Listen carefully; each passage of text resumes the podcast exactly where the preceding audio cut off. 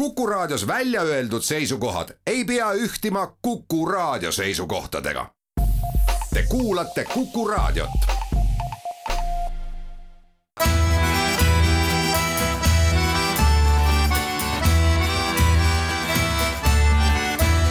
Kirillitsas Eesti tere päevast, head raadiokuulajad, eetris on Kirillitsas Eesti, saatejuht Pavel Jonov ja hea meel stuudios tervitada Natalja Kitamit tere! ja Olga Ivanovat. tere päevast! meil on täna suhteliselt suur valik teemasid, mis on sellised diskus-, diskutiivset ja filosoofset laadi, aga alustame ühest teemast, millest me oleme juba mitu korda rääkinud siin saates, aga siiski teema lainetab edasi. nimelt kindlasti raadiokuulaja teab ja peab meeles seda, et äh, näiteks kolmeteistkümnendal aprillil kõik ärkasid suure imestusega ja me avastasime, et Narvas äh, on siis üks äh, rahvakunstnik, kes siis epateerib juba mitmendat korda oma nõndanimetatud sõjavastaste aktsiooni, aktsioonidega miks ma ütlesin nõndanimetatud, ega ma ei kritiseeri jumala eest seda, et keegi inimene siin Eestis avaldab oma arvamust ja, või siis meelt äh, äh, Venemaa sõja vastu Ukrainas, ei. Lihtsalt asi on läinud nii kaugele, et nüüd siis on uudis selline, tähendab, tuletame meelde, et kõigepealt oli aktsioon siis, kui ta endise tangi, tangi koha peale maalis tuntud, aga juba hukkunud Vene sõjakorrespondendi tsitaati, siis oli tema aktsioon siis äh, endise kultuurimaja ees suured tähed Djeti, mis meenutas äh, Mariupoli tragöödiat. Ja midagi pisikest oli veel, eks ole, ja nüüd siis äh, tuli selline asi välja, et äh, seltsimees tahtis äh, teha järjekordselt mingisugust aktsiooni, aga politsei võttis ta kinni ja ajakirjandus, venekeelne ajakirjandus Eestis püstitas küsimused, et mis nüüd toimub siis, et kas siis Eestis on siis äh, keelatud äh, kriidiga kirjutada midagi ja, asfaldile ja, ja panna küünlat, eks ju. jah, ja et ühesõnaga, et sellest tehti siis selline suur küsimus, et kas Narvas on nüüd siis keelatud korraldada sõjavastaseid aktsioone Äh, pigem kindlasti mitte, et äh, tuletame meelde, et politsei lihtsalt äh, pidas ta kinni sellepärast, et politsei tahtis teada, millised on tema kavatsused. ja tuletame meelde, et kunstnik Vladimir Kastan tahtis pisikeste kriitidega asfaldi peal kirjutada Ukraina linnade nimed, kus siis olid korraldatud Vene sõjaväelaste poolt elanike vastu Äh, ranged äh, kriminaalsed äh, kuriteod ja siis ta tahtis siis asetada sinna ka küünlaid ja lilli. ja nii, kuidas tema ise ehk siis kunstnik Kastan seletas, et tema tahtis sellisel viisil siis mälestada Vene agressiooni ohvreid ja kui ta siis patrull politsei poolt oli kinni peetud, siis peale seda siis Kastan, kellel minu meelest juba selleks hetkeks oli juba loodud mingisugune hoopis teistsugune oreool kui lihtsalt kunstnik, äh, et äh, esitas Facebookis sellised küsimused, äh, huvitav, mis ajast on Eestis keelatud poliitilised väljaütlused ja kodanik, kodanike initsiatiiv no minus, minus igal juhul nagu võitlevad sellised kaks asja, ühest küljest absoluutselt on selge, et äh, Venemaa sõda Ukrainas äh, absoluutselt on normaalne alus selle jaoks, et tõesti avaldada oma initsiatiivi ja avaldada oma arvamust ja kõik on, kõik on selles mõttes selge, aga mulle tundub, et lihtsalt kunstnik Kastan on nagu juba muutunud selliseks äh, poliitaktivistiks aktivistiks ja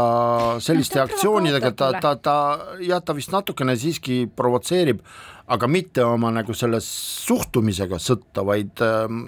oma tegevusega vist. ma võib-olla eksin. noh, tema arvad? ju ei tahtnud kedagi mälestada, on ju, tegelikult, tema tahtis mm, provotseerida ta tahtis tähelepanu lihtsalt. ja tahtis tähelepanu, selles mõttes siin on ära kasutatud see sõda tema kasutab ära selles mõttes, et, mm, et siin juba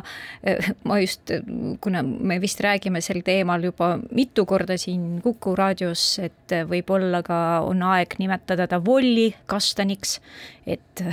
jätame see Vavan kastan kõrvale, et juba populaarne kuju, ta sai oma tähelepanu, aga küsimus on, milleks ma seda teen milleks ma seda teen. see mälestus, mis on noh, tõesti püha ja kõike, et ei olnud minu meelest see siiras eesmärk ja selles mõttes, et kui politsei küsib, et miks sa seda teed, siis tal on õigus küsida, miks sa seda teed. ja, ja kusjuures politsei äh, venekeelse Postimehe loos äh, Postimehes äh, politsei selgitab ka seda, et sellist tegevust, mida kavatses Kastan siis teha, võib nimetada, võib äh, täiesti vabalt nimetada, ütles politseinik Püvi, et see on avalik äh, aktsioon, avalik äh, ettevõtmine. äh, ja lisas ka seda, et tegelikult see üritus ei olnud üldse kooskõlastatud ei linnaga ega politseiga. no puhtalt formaalsed, eks ju, et kui sa midagi korraldad, siis eh, ka politsei on valmis eh, provokatsioonidele ja muudele reaktsioonidele, noh, emotsioonid kütakse üles.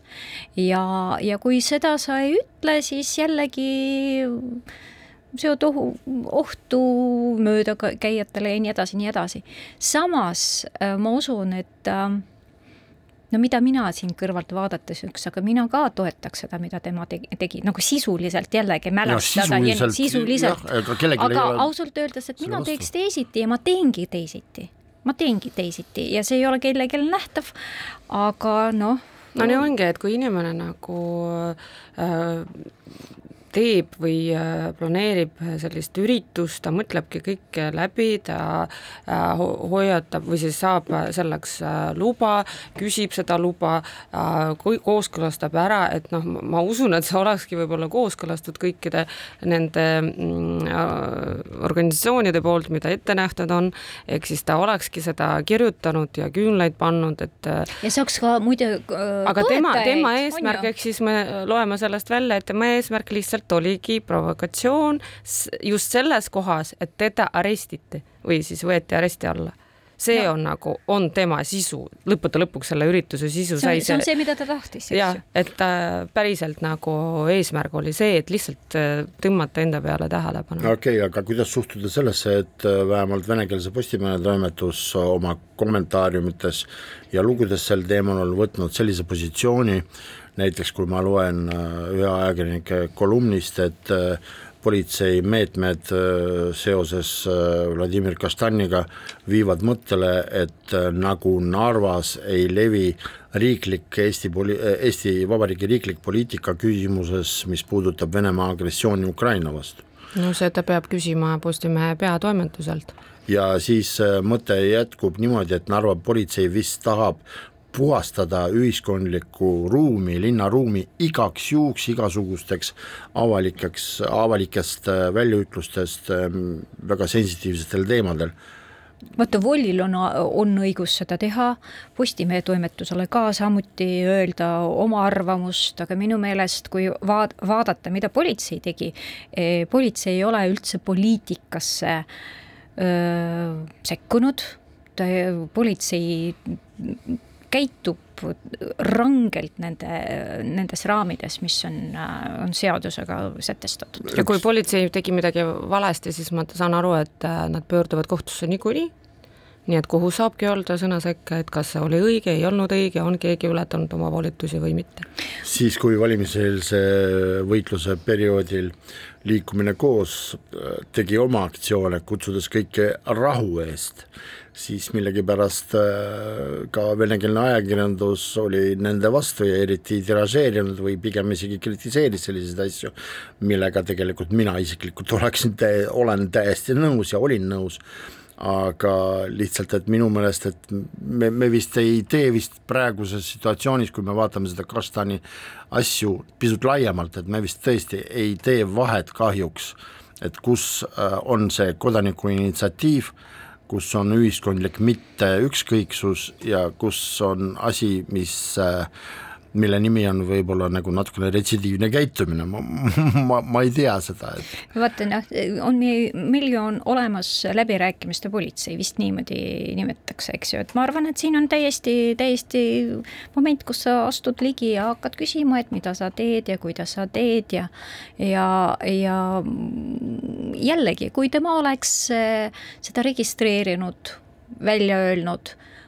siis tuleks ka toetajad, aga mul on tunda, et ei vaja toetajaid, ta ei vaja mingeid äh, äh no muidugi, siis keegi ei räägiks kastanist, kõik räägiksid mingisugust miitingust ja toetusest, noh, sellest, et mitu rahvast tulnud ja nii edasi, et noh, siin oligi eesmärk lihtsalt äh, enda kohta lugeda Postimehe, Postimehe veergudel ja ongi kõik no.. siis toetatakse Ukrainat, mitte kastanit, eks ju, noh, siis on vale, vale värk. No igal juhul jah, tuletame meelde kõikidele iseendale, et sõna on vaba. Siinkohal teeme väikese reklaamipausi, pärast jätkame saadet.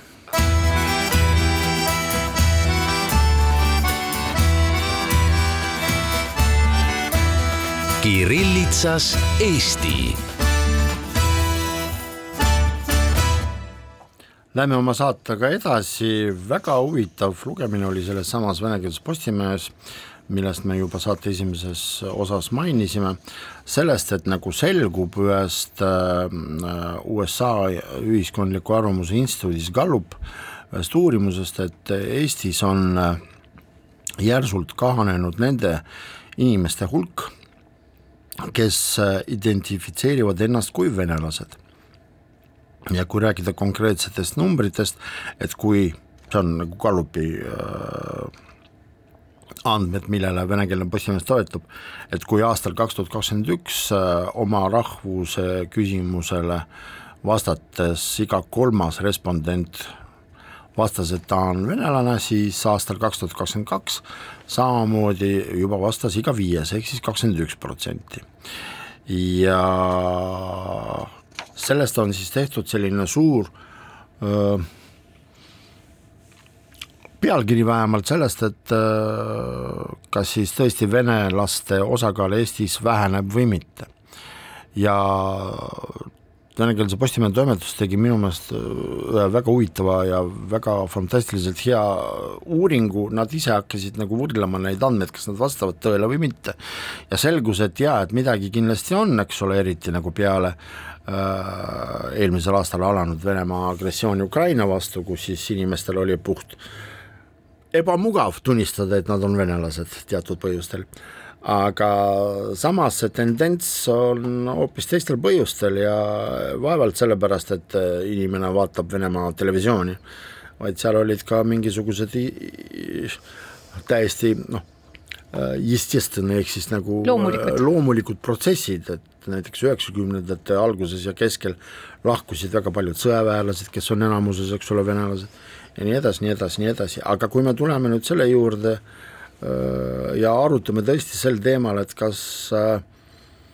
mm, on see nii, et pigem vastates küsimusele, mis on sinu rahvus, praegusel ajal venekeelne inimene vähemalt mõtleb, mis ta vastab? no ma lihtsalt mõtlen enda peale, mina olen sündinud Ida-Virumaal ja esimest korda käisin Venemaal, kui ma olin. Aa ei, lapsepõlves ikka käisin vanaemaga, aga no siis nagu minu jaoks see nagu riik lihtsalt oli nagu sugulaste juures käik nagu, et aga siis nagu, kui ma olen, olin juba mm, natukene suurem ehk siis täiskasvanud inimene, siis ma mõtlesin ka selle peale, et kui küsivad, et kes, kes, mis on sinu rahvus nagu, et kas sa oled venelane. ei, ma ei ole venelane tol hetkel ma juba mõtlesin, kui ma, ma olen sündinud Eestis, minu vanemad sündisid Eestis äh,, mul ei ole mingisugust äh, sellist nagu hingelist sidet ega, ega haridussidet, ma ei ole kunagi õppinud seal, ma ei ole, noh, kui ma käisin, siis seal olid ekskursioonid lihtsalt, et, äh, et et rahvus, rahvus, minu rahvus on vist nagu ikka venelane jah, aga ma ei ütle, et ma tunnen ennast äh, päriselt nagu venelasena, ikkagi ma olen siin sündinud ja minu jaoks oli ka alati selline küsimus, et et kuidas ma ennast tunnen, ma kindlasti ei tunne ennast venelasena. vaatamata sellele, et ma nagu emakeel mul vene keel. Huvitav, et äh, inglise keeles nationality. Äh, kui meie loeme, siis me arvame või, või tõlgime ta, ta rahvuseks, aga põhimõtteliselt nationality on ikkagi kodakondsus mm., ehk siis äh, no citizenship siiski. just, aga nationality tavaliselt kasutatakse kui kodakondsust. ja siis, kui ma lugesin uudist, mõtlesin algul, mida siis see gallup näitab, kas inimesed füüsiliselt lahkusid Eestist või, või Venemaa hoopis lahkus nende peades,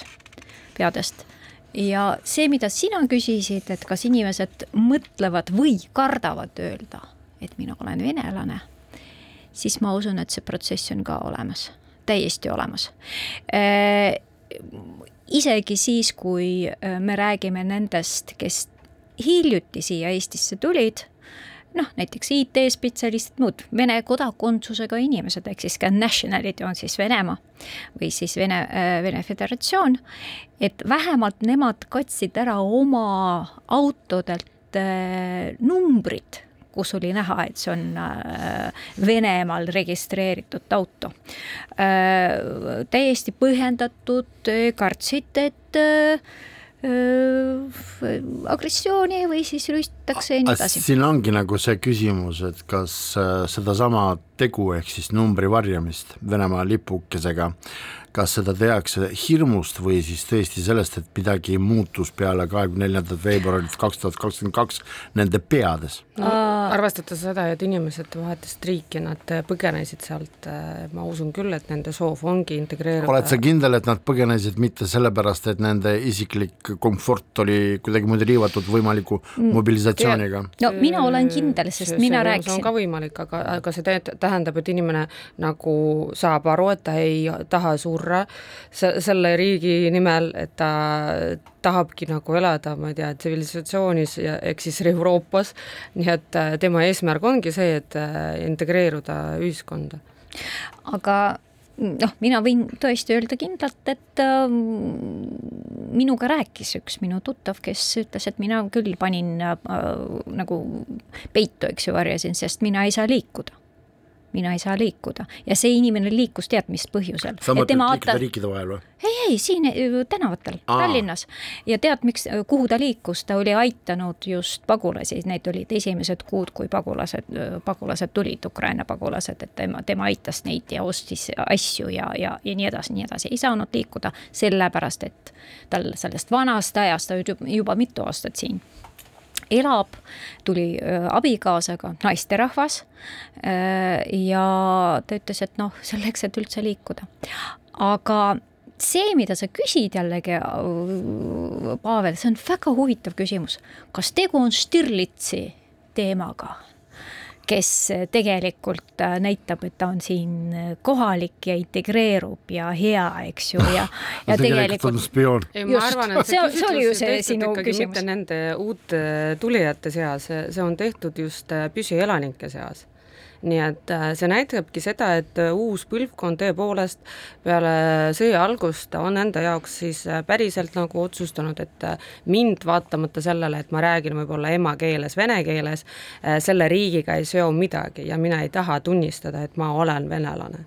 Minu meelest veel aastal neliteist, kaks tuhat neliteist oli äh, integratsiooni monitooringu andmetel äh, seitsekümmend protsenti muukeelsetest inimestest või siis venekeelsetest inimestest siin Eestis, nende seas nimetasid Eestimaad ainukeseks oma kodumaaks. ja noh, aga vaata, see kolmkümmend on, on ikkagi jäänud ja see kuidagimoodi selle gallupiga ähm, kattub. kas see kolmkümmend protsenti, millest sa praegu mainisid, kas see on see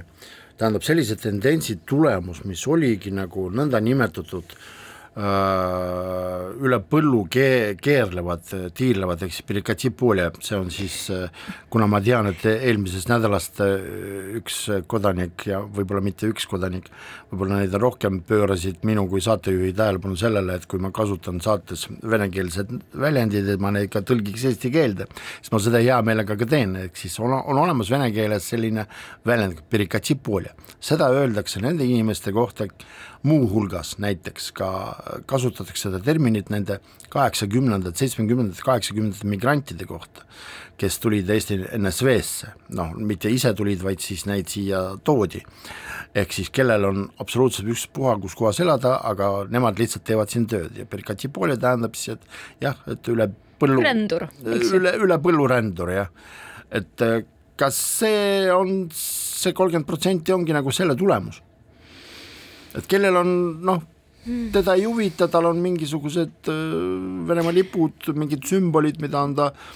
telekast näinud, eks ole, lapsepõlvest saati. ma arvan, kolmkümmend protsenti need ongi, kes on äh, toetanud, ma ei tea, Aivo Petersoni ja Ivanovi valimistel.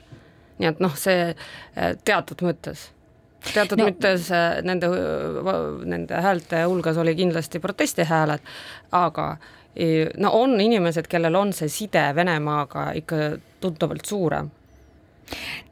no mina küll ar-, nii ei julgeks öelda, et kõik need kolmkümmend protsenti, kes, kelle käest küsitakse, mis su rahvus on, eks ju, ja vastab, et mina olen venelane,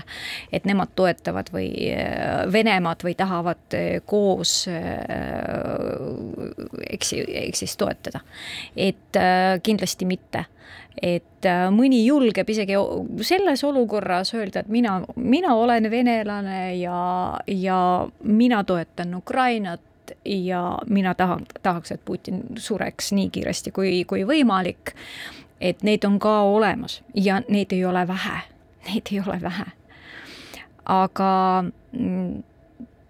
noh, jällegi ei saa suhestuda ühe või teisega, kui tulla tagasi eh, minu eh, juurteni, siis pool eestlas-, pool eestlane, pool kreeklanna, et kes siis mina olen, eks ju venelane palju, mõned on siiamaani on need inimesed, kes äh, eesnime järgi kohe ütlevad, et jah, et Mikki, kes sa siin oled, eks ju, et kannan oma isa perekonnanime, aga eh, nimi muide, muide see eesnimi mul on minu vanaema, kreeklannas vanaema järgi antud, temal oli ka Natalja ja Natalja on muide äh, ladina äh, juurtega nimi. nojah, Natalii ja nii edasi, nii edasi. aga noh, nii, nii nagu ta on, et me oleme reaalsuses, et, et jällegi äh,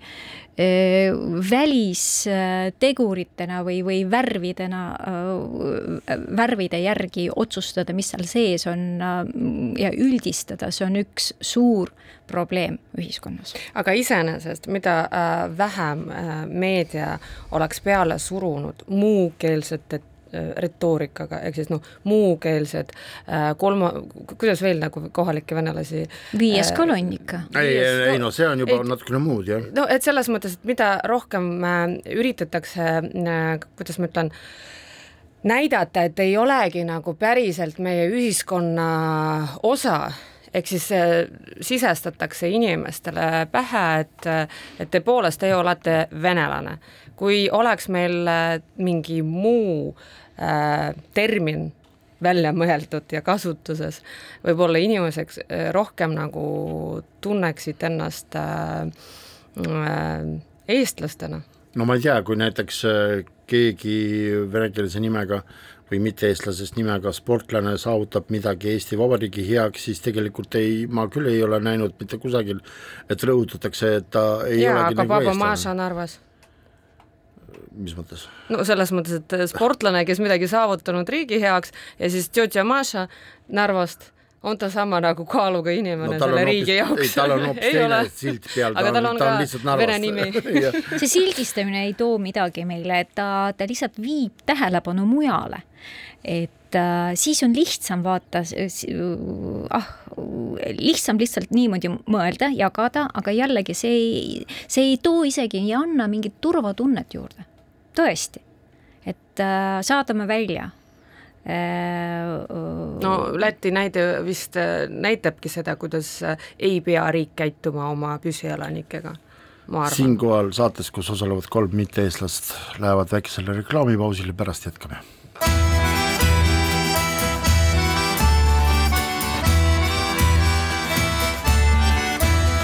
Kirillitsas Eesti jätkame saadet stuudios Natalja Kitamolga Ivanova ja Pavel Ivanov. mõnikord juhtub selline asi, et vaatad, mida venekeelne meedia sulle pakub, loed ja imestad, imestad väga paljude asjade üle, aga mõnikord on ka sellised imestused, mille kohta tahaks nagu tõesti väga, väga teravalt sõna võtta ja üks selline arvamuslugu oli sel nädalal avaldatud venekeelses Delfis, mille autoriks on keskerakondlasest Kristiine linnaosavanem Jaanus Riibe. pealkiri oli muidugi intrigeeriv ja äh, juba ainult pealkiri äh, viis mind mõttele, et noh, et seda peab nagu võib-olla läbi lugema ja arutada, et pealkiri on Reformistid taas mängivad jutumärkides Vene kaarti. noh mõtlesin, et okei okay,, et huvitav, et äh, kui on sellised juhtumid fikseeritud, siis peab tõesti vähemalt nendega tutvuda, tutvuma. ja ma ütlen teile ausalt, ma lugesin neli korda läbi seda arvamust ja minus tekkis selline mõte, et äh, jah, meediakanali jaoks on arvamus ja nemad avaldavad, et tekitada poleemikat, läbi selle klikid ja kõik on selles mõttes, kõik on, meediakanaliga on kõik korras autorite puhul mõnikord tahaks, et äh, oleks selline äh, põhimõte, et äh, ühiskonda peab kaitsma. ja kui ühiskonda nagu kaitsta ei saa, siis selle jaoks on olemas pampersid. selle jaoks, et ära hoida mingisuguseid äh, ettenägematuid olukordi. ja see on täpselt selline juhus, kus Jaanus Riibe arvamus langebki selle minu jaoks vähemalt selle valemisse, et äh, sõbrad, aga kus kohas olid pampersid, nii erakonnal, nii ka ma ei tea, kellel, ei, ei, ühesõnaga Vene kaart ja väga põnev, me väga hästi teame, et selle üle enne valimisi, viimaseid äh, parlamendivalimisi oli väga palju juttu, mõtlesin, et huvitav, et ohoh, et äh, mis nüüd siis juhtub. ja ma lugesin neli korda läbi ja ma leidsin ainult ühe seose võimaliku seose, mis on haiges peas välja mõeldud, et ühesõnaga see ei ole mitte mingi saladus, et poliitilisel tasemel, parteil tasemel käib võitlus Tallinna linnapea koha eest Reformierakonna ja Keskerakonna vahel, kõige suurem, nii, ja viide on Mihhail Kõlvartile, et äh, ma nagu ja siis mul tuli meelde tegelikult kolleegide, vene ajakirjanike see mõttekäik, et tegelikult kes kõige rohkem karjub siin Vene kaardist. valimiseelsel perioodil räägiti, et tegelikult Keskerakond oli kõige suurem ja nüüd siis see Riibe arvamus tegelikult ta, vähemalt minu jaoks ta kinnitas seda asja. aga ma ei saa aru, miks on vaja sellest kirjutada, kui tegelikult mitte mingisugust sisulist seost ei ole, kas see on mingi no ta, tähendab, see on, see on tegelikult, see on moraalselt vähemalt karistatav minu no, jaoks. minu jaoks oli ka väga üllatav, sest me Jaanusega oleme koos töötanud Lasnamäel, sest iseenesest väga pikk ja keeruliste väljaütle, ütlustega siis äh, koostatud tekst, äh, tavaliselt ta niimoodi kirjutanud, nii et äh, ehk siis ma viidan lihtlausete inimene. Ma viidan pigem selle peale, et kui sinu jaoks on Delfiga kõik selge, siis minul ei ole, sest ma tean, et kui sa tahad avaldust arv-, avaldada, siis mitte alati sinu arvamust võetakse ja võetakse ja pannakse tasuta lugemiseks, nii et siin on ka küsimus, miks järsku nii long read oli postitatud ja mikspärast just selle autoriga. aga iseenesest ma hakkasin just mõtlema selle peale, äkki on selle taga midagi muud, esiteks kõik teavad, Keskerakonna sees käärleb. see tähendab, seal päriselt nagu käib äh, mõju eest või võimu eest võitlemine, äh, seal on kaks laagrit, nii et sellest kõik teavad. Teiseks, me ei tea ju, mida teeb Reformierakond hetkel ju volikogus, kuna sotsdemokraadid värskelt äh, astunud valitsusse koos äh, Reformierakonnaga Toompeal, ehk siis võib-olla on tõesti ohtu, et sotsdemmid vahetavad siis äh, oma partnerid äh, alllinnas nii et ja kindlasti, mida ma ainukene, ainukesena lugesin välja sellest äh, pikast tekstist, äh, mis minu jaoks oli väga natukene naljakas, millest ma just rääkisin, et kõik ju saavad aru, et Keskerakonnast küll ei ole rahu majas. samas mm, Riibe mitu korda rõhutab seda, et, et vastupidi, Keskerakond on väga tugev ja üksmeelne ja nii edasi. nii eks see jällegi avaliku arvamusega mängimine minu jaoks, äh, sest äh, põhimõtteliselt ei, ei Vene, Vene kaardi seal ei olnud juttugi seal mingisugused imelikud sisutud argumendid. no ütle palun, Natalja, et mille jaoks on vaja tühja koha peal taaskasutada seda ruske kaarti ehk siis Vene kaarti. mina just tahtsin öelda, et vaadake, saate alguses rääkisime selle Vavankaštannist ja, ja nüüd Jaanus Riibe, minu meelest äh, me oleme lihtsalt kadedad. tühja koha pealt inimene midagi teeb, nii noh, noh lihtsalt liigutab natukene lilli ja sellised lained ja siis me istume siin, küsime, no miks, miks nad oli? niimoodi tegid? no just selleks. oota, Natalja, kes see liigutaja oli? Äh, Vavankaštan äh, võttis kriit, paki kriite no, ja, ja, ja, ja. aa, sa neist nagu ja räägiti, ma räägingi, ma kadestan, noh, et ja siis äh, Riibe võttis klaviatuuri, klõpsatas natukene ja, ja, ja vaat milline, milline ja see ja siin me istume, mõtlesin, milleks nad seda teevad, nagu selleks, et me siin räägiks neist. ausalt öeldes mina ei saanud arvamusest või sellest tekstist aru noh, jah. ei saanud aru. ja, ja, ja see artiklite nagu formaat kahjuks on selline, kus sa lihtsalt noh, noh, ma ei saanud aru ja, ja lähed edasi. minu meelest oleks väga hea küsida, aga mida sa, mida sa mõtlesid, mida sa mõtlesid ja, ja siis ka arutada ja, ja mõelda. sama asi näiteks selle, selle kastanniga ja tegelikult juba siis, kui sa küsid ja saad vastuse juba võid otsustada, kas, mis see eesmärk oli? No eesmärk võis olla see, et äkki kusagilt ülevalt öeldi, et nüüd me peame mingisuguse arvamus äh,, avalikku arvamust kujundama sellest, et eh, Reformierakond ründab. selle jaoks on olemas ka parteis, ma arvan, et kommunikatsiooninõunikke, kes võiks enne avaldamist lugusid eh, lugeda ja kui vaja on, kuidas ma ütlesin, et kasutada pampersi. no, no see on ideaalis, tead no aga võib-olla see on juba sisekommunikatsioon pigem, et Riibe oli kommunikeeritud mitte suurele ringile, küll väiksemale ringile, näidates oma positsiooni, et mina saan, mina oskan. igal juhul, miks meie nagu siin stuudios ja miks mina kui saatejuht selle teema nagu sisse tõin, just selle jaoks, et lihtsalt näidata, et mõnikord isegi võib-olla partei, partei jaoks kasulikud teemad tõstetakse üles ja neid äh, pakutakse sellise sousti all, mille eest on lihtsalt piinlik, sellepärast et nendel ei ole nagu isegi lähtudes päevapoliitilisest aspektist mitte mingisugust faktoloogilist põhja taga, aga muuseas, kui rääkida Tallinnast, eks noh, Riibe on ju Tallinnast, et äh, mulle väga meeldis üks äh, asi, millest ma sain sel nädalal teada, värske abilinnapea Andrei Kante, kes nüüd siis vastutab hariduse eest, tema kutsus kokku äh, komisjoni, mis hakkab tegelema siis äh, Tallinna linnas üleminekuga eestikeelsele õppele. me kõik ju teame, et Tallinna linna suhtumine sellesse küsimusse on nii ja naa, eks ole, ütleme pehmelt öeldes nagu mitte ühene ja mis mulle meeldis, oli see, et Andrei Kante ütles täiesti külmalt, et ta rõhutas, nii, kõik seadus on tänaseks päevaks vastu võetud, et üleminek toimub. ehk siis tegelikult ta võttis maha selle fraasiga kõik mingisugused, vähemalt tema poolt vaadatuna,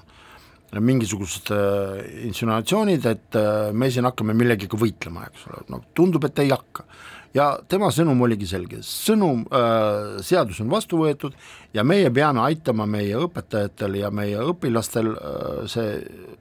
üleminek teostada ja anda võimaluse, et äh, kvaliteet äh, hea hariduse saamiseks jääks. noh, selles mõttes on nagu tore, et selline sõnum tuli ja mul oleks väga hea meel, kui nagu ka meedia võtaks nagu seda noh, märkaks sellist sõnumit, et ei ole vaja lahmida nüüd, et on olemas või siis ma ei tea, ka ennem ka mitte, et ühesõnaga poliitilised vaidlused poliitiliseks vaidlusteks, aga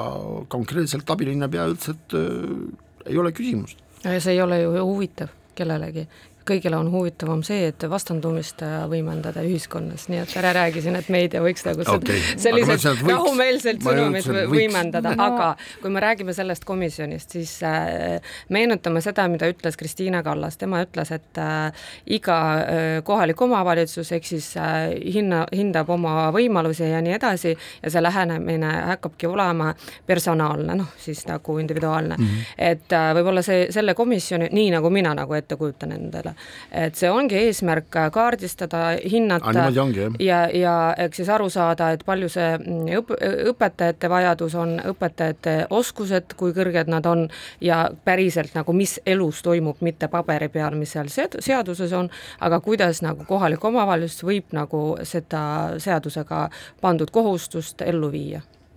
no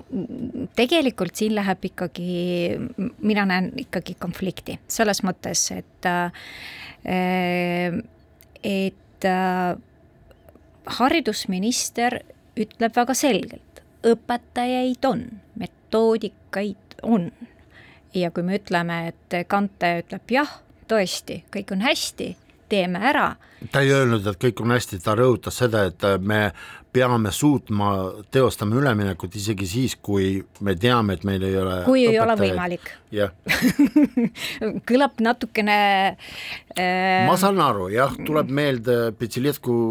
nelja aastaga. minu meelest natukene see, see lugu äh, meenutab, vaata startup idufirmad ütlevad, et fake it till you make it ehk siis äh, näitle, näitle või äh, näitle või valeta nii kaua, kui see äh, tõeks ei saa, eks ju ja täiesti e erasektoris on absoluutselt okei okay., mina olen ise, ise ida, idufirma asutaja, see on okei okay., aga kui sina feigid nii-öelda ja äh, olles riigi äh, ametnik või poliitik, see on juba ohtlik kõikidele teistele, sest no, sa ei saa lihtsalt öelda, aga nüüd oleme pankrott, eks ju, alustame oota, nullist. keda, keda sa siis süüdista selles, et äh, keegi fake ib, kes see siis on? kas äh, riigi valitsuse minister või siis äh, abilinnapea äh,? kes ütles, et kõik on olemas no Kristiina Kallas seda ütles. no sa, sa vastasid oma küsimustele ilusasti no ma ei tea, kas ta fegib või mitte, aga igal juhul ähm, ei no siin ta võib, lihtsalt oma kooli näitel võin öelda, mitte oma, vaid minu lapse kooli näitel. kõik ütlevad jah, et äh, õpetajad õpivad keelt, nõus, nii on, õpivad. kas nad suudavad seda C1-te saada, ei ole teada. ehk siis see jällegi, äh, vot esimesel septembril ei juhtu ja ei muutu midagi mitte midagi ei, ei muutu, võib-olla selles õppekavas midagi muudetakse ära, kui ma ei eksi, siis muudetakse, et vene keele osakaal on mm, kaduv, nii et see kaks tundi, ma ei tea, nädalas. ehk siis loodetakse selle peale, et olemasolevat õpetajat õpivad ära, sooritavad eksami ja hakkavadki lastele õpetama selles keeles oma ainet see õpetajate põud vene koolides Eestis on viinud nii kaugele, et siin äh, paar nädalat tagasi lugesin sellest, et ühte äh, õppeasutusse on võetud isegi õpetajaks inimene, kes veel mõni aasta tagasi rahvusvahelistel foorumitel esines mitte kõige ilusamate sõnavõttudega Eesti suunal, aga väike reklaamipaus, pärast jätkame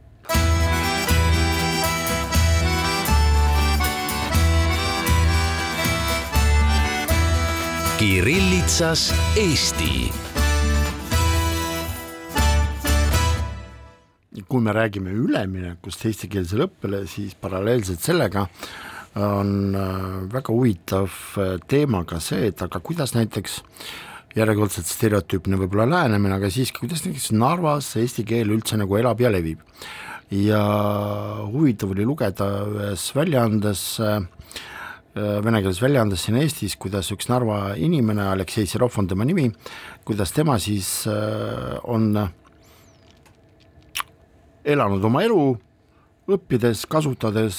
eesti keelt just Narvas. ja väga selline avameelne ja huvitav jutuajamine, noh, mitte jutuajamine, vaid äh, tema lugu, aga huvitav nagu paar teesi ja et äh, lapsepõlves, no ta on umbes, ma ei tea, nelikümmend, et lapsepõlves eesti keelt äh, välja õppida, see oli nagu äh, mingi unelm, mida sa mitte kunagi ei saa saavutada, teine tees tema avameelsest intervjuust oli see, et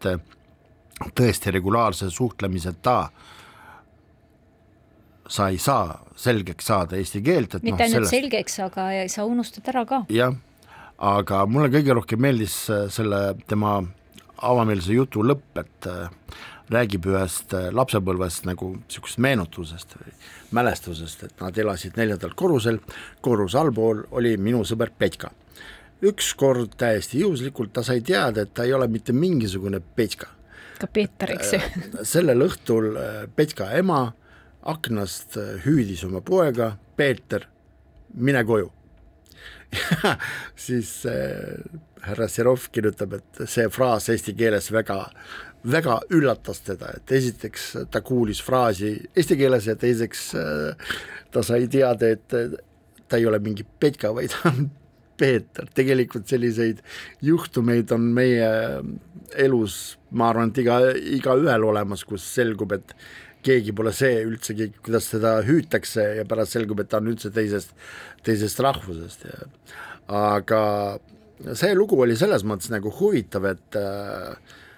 et noh, veel kord inimene lihtsalt nagu andis mõista, et isegi siis, kui sa tahad, eks ole, õppida või kasutada eesti keelt, no kui sul ei ole ümberringi neid kandi, et noh, ei saa ju kunstlikult tekitada sellise olukorra, aga see on üks asi, aga teine asi on see, tegelikult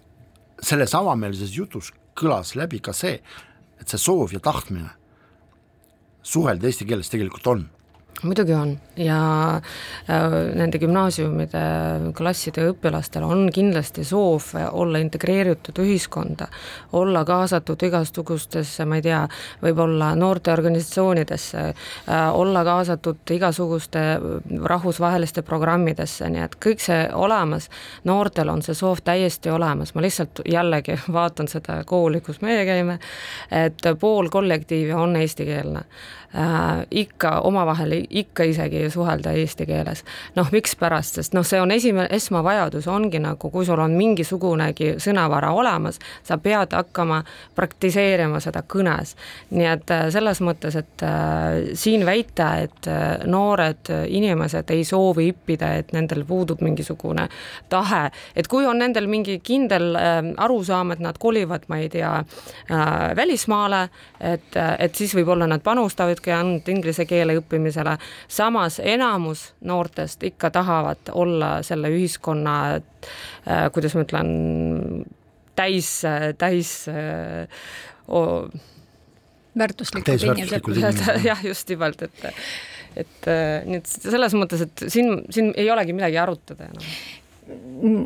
ma tahaks sinna natukene tagasi tulla, et kui me räägime sellest äh, kooli üleminekuks, siis minu selge positsioon, et mina väga tahaks tõsiselt tahaks, et see, see, see toimiks ja toimuks, et mitte äh,,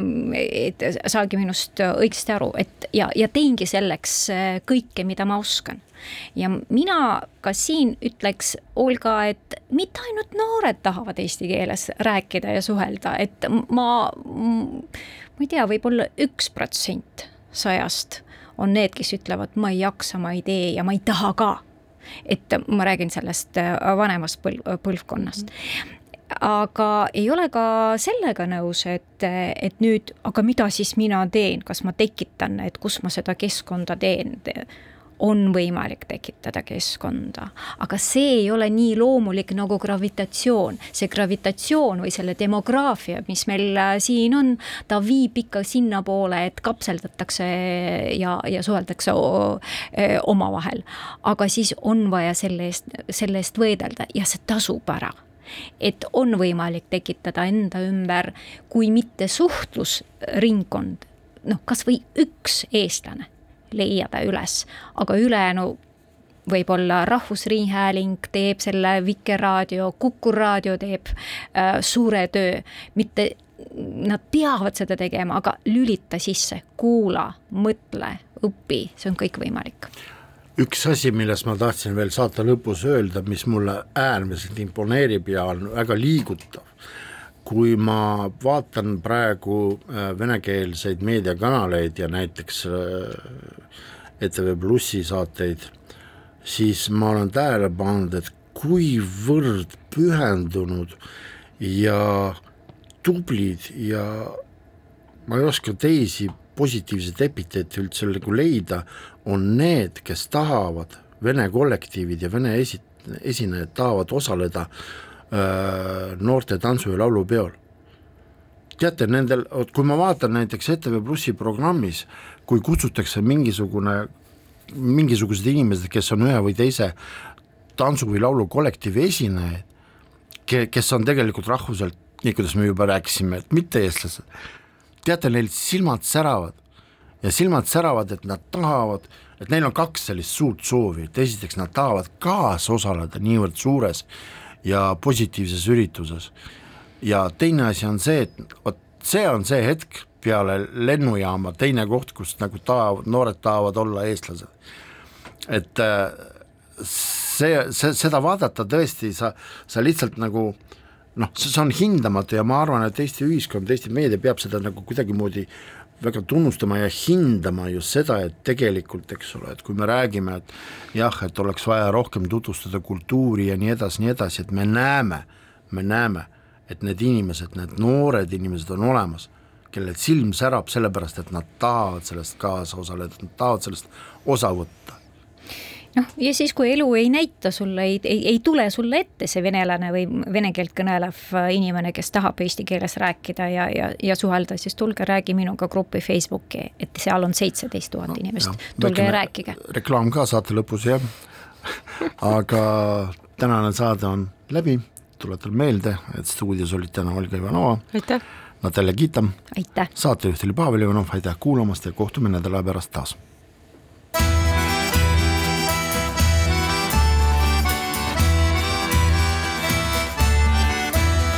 Kirillitsas Eesti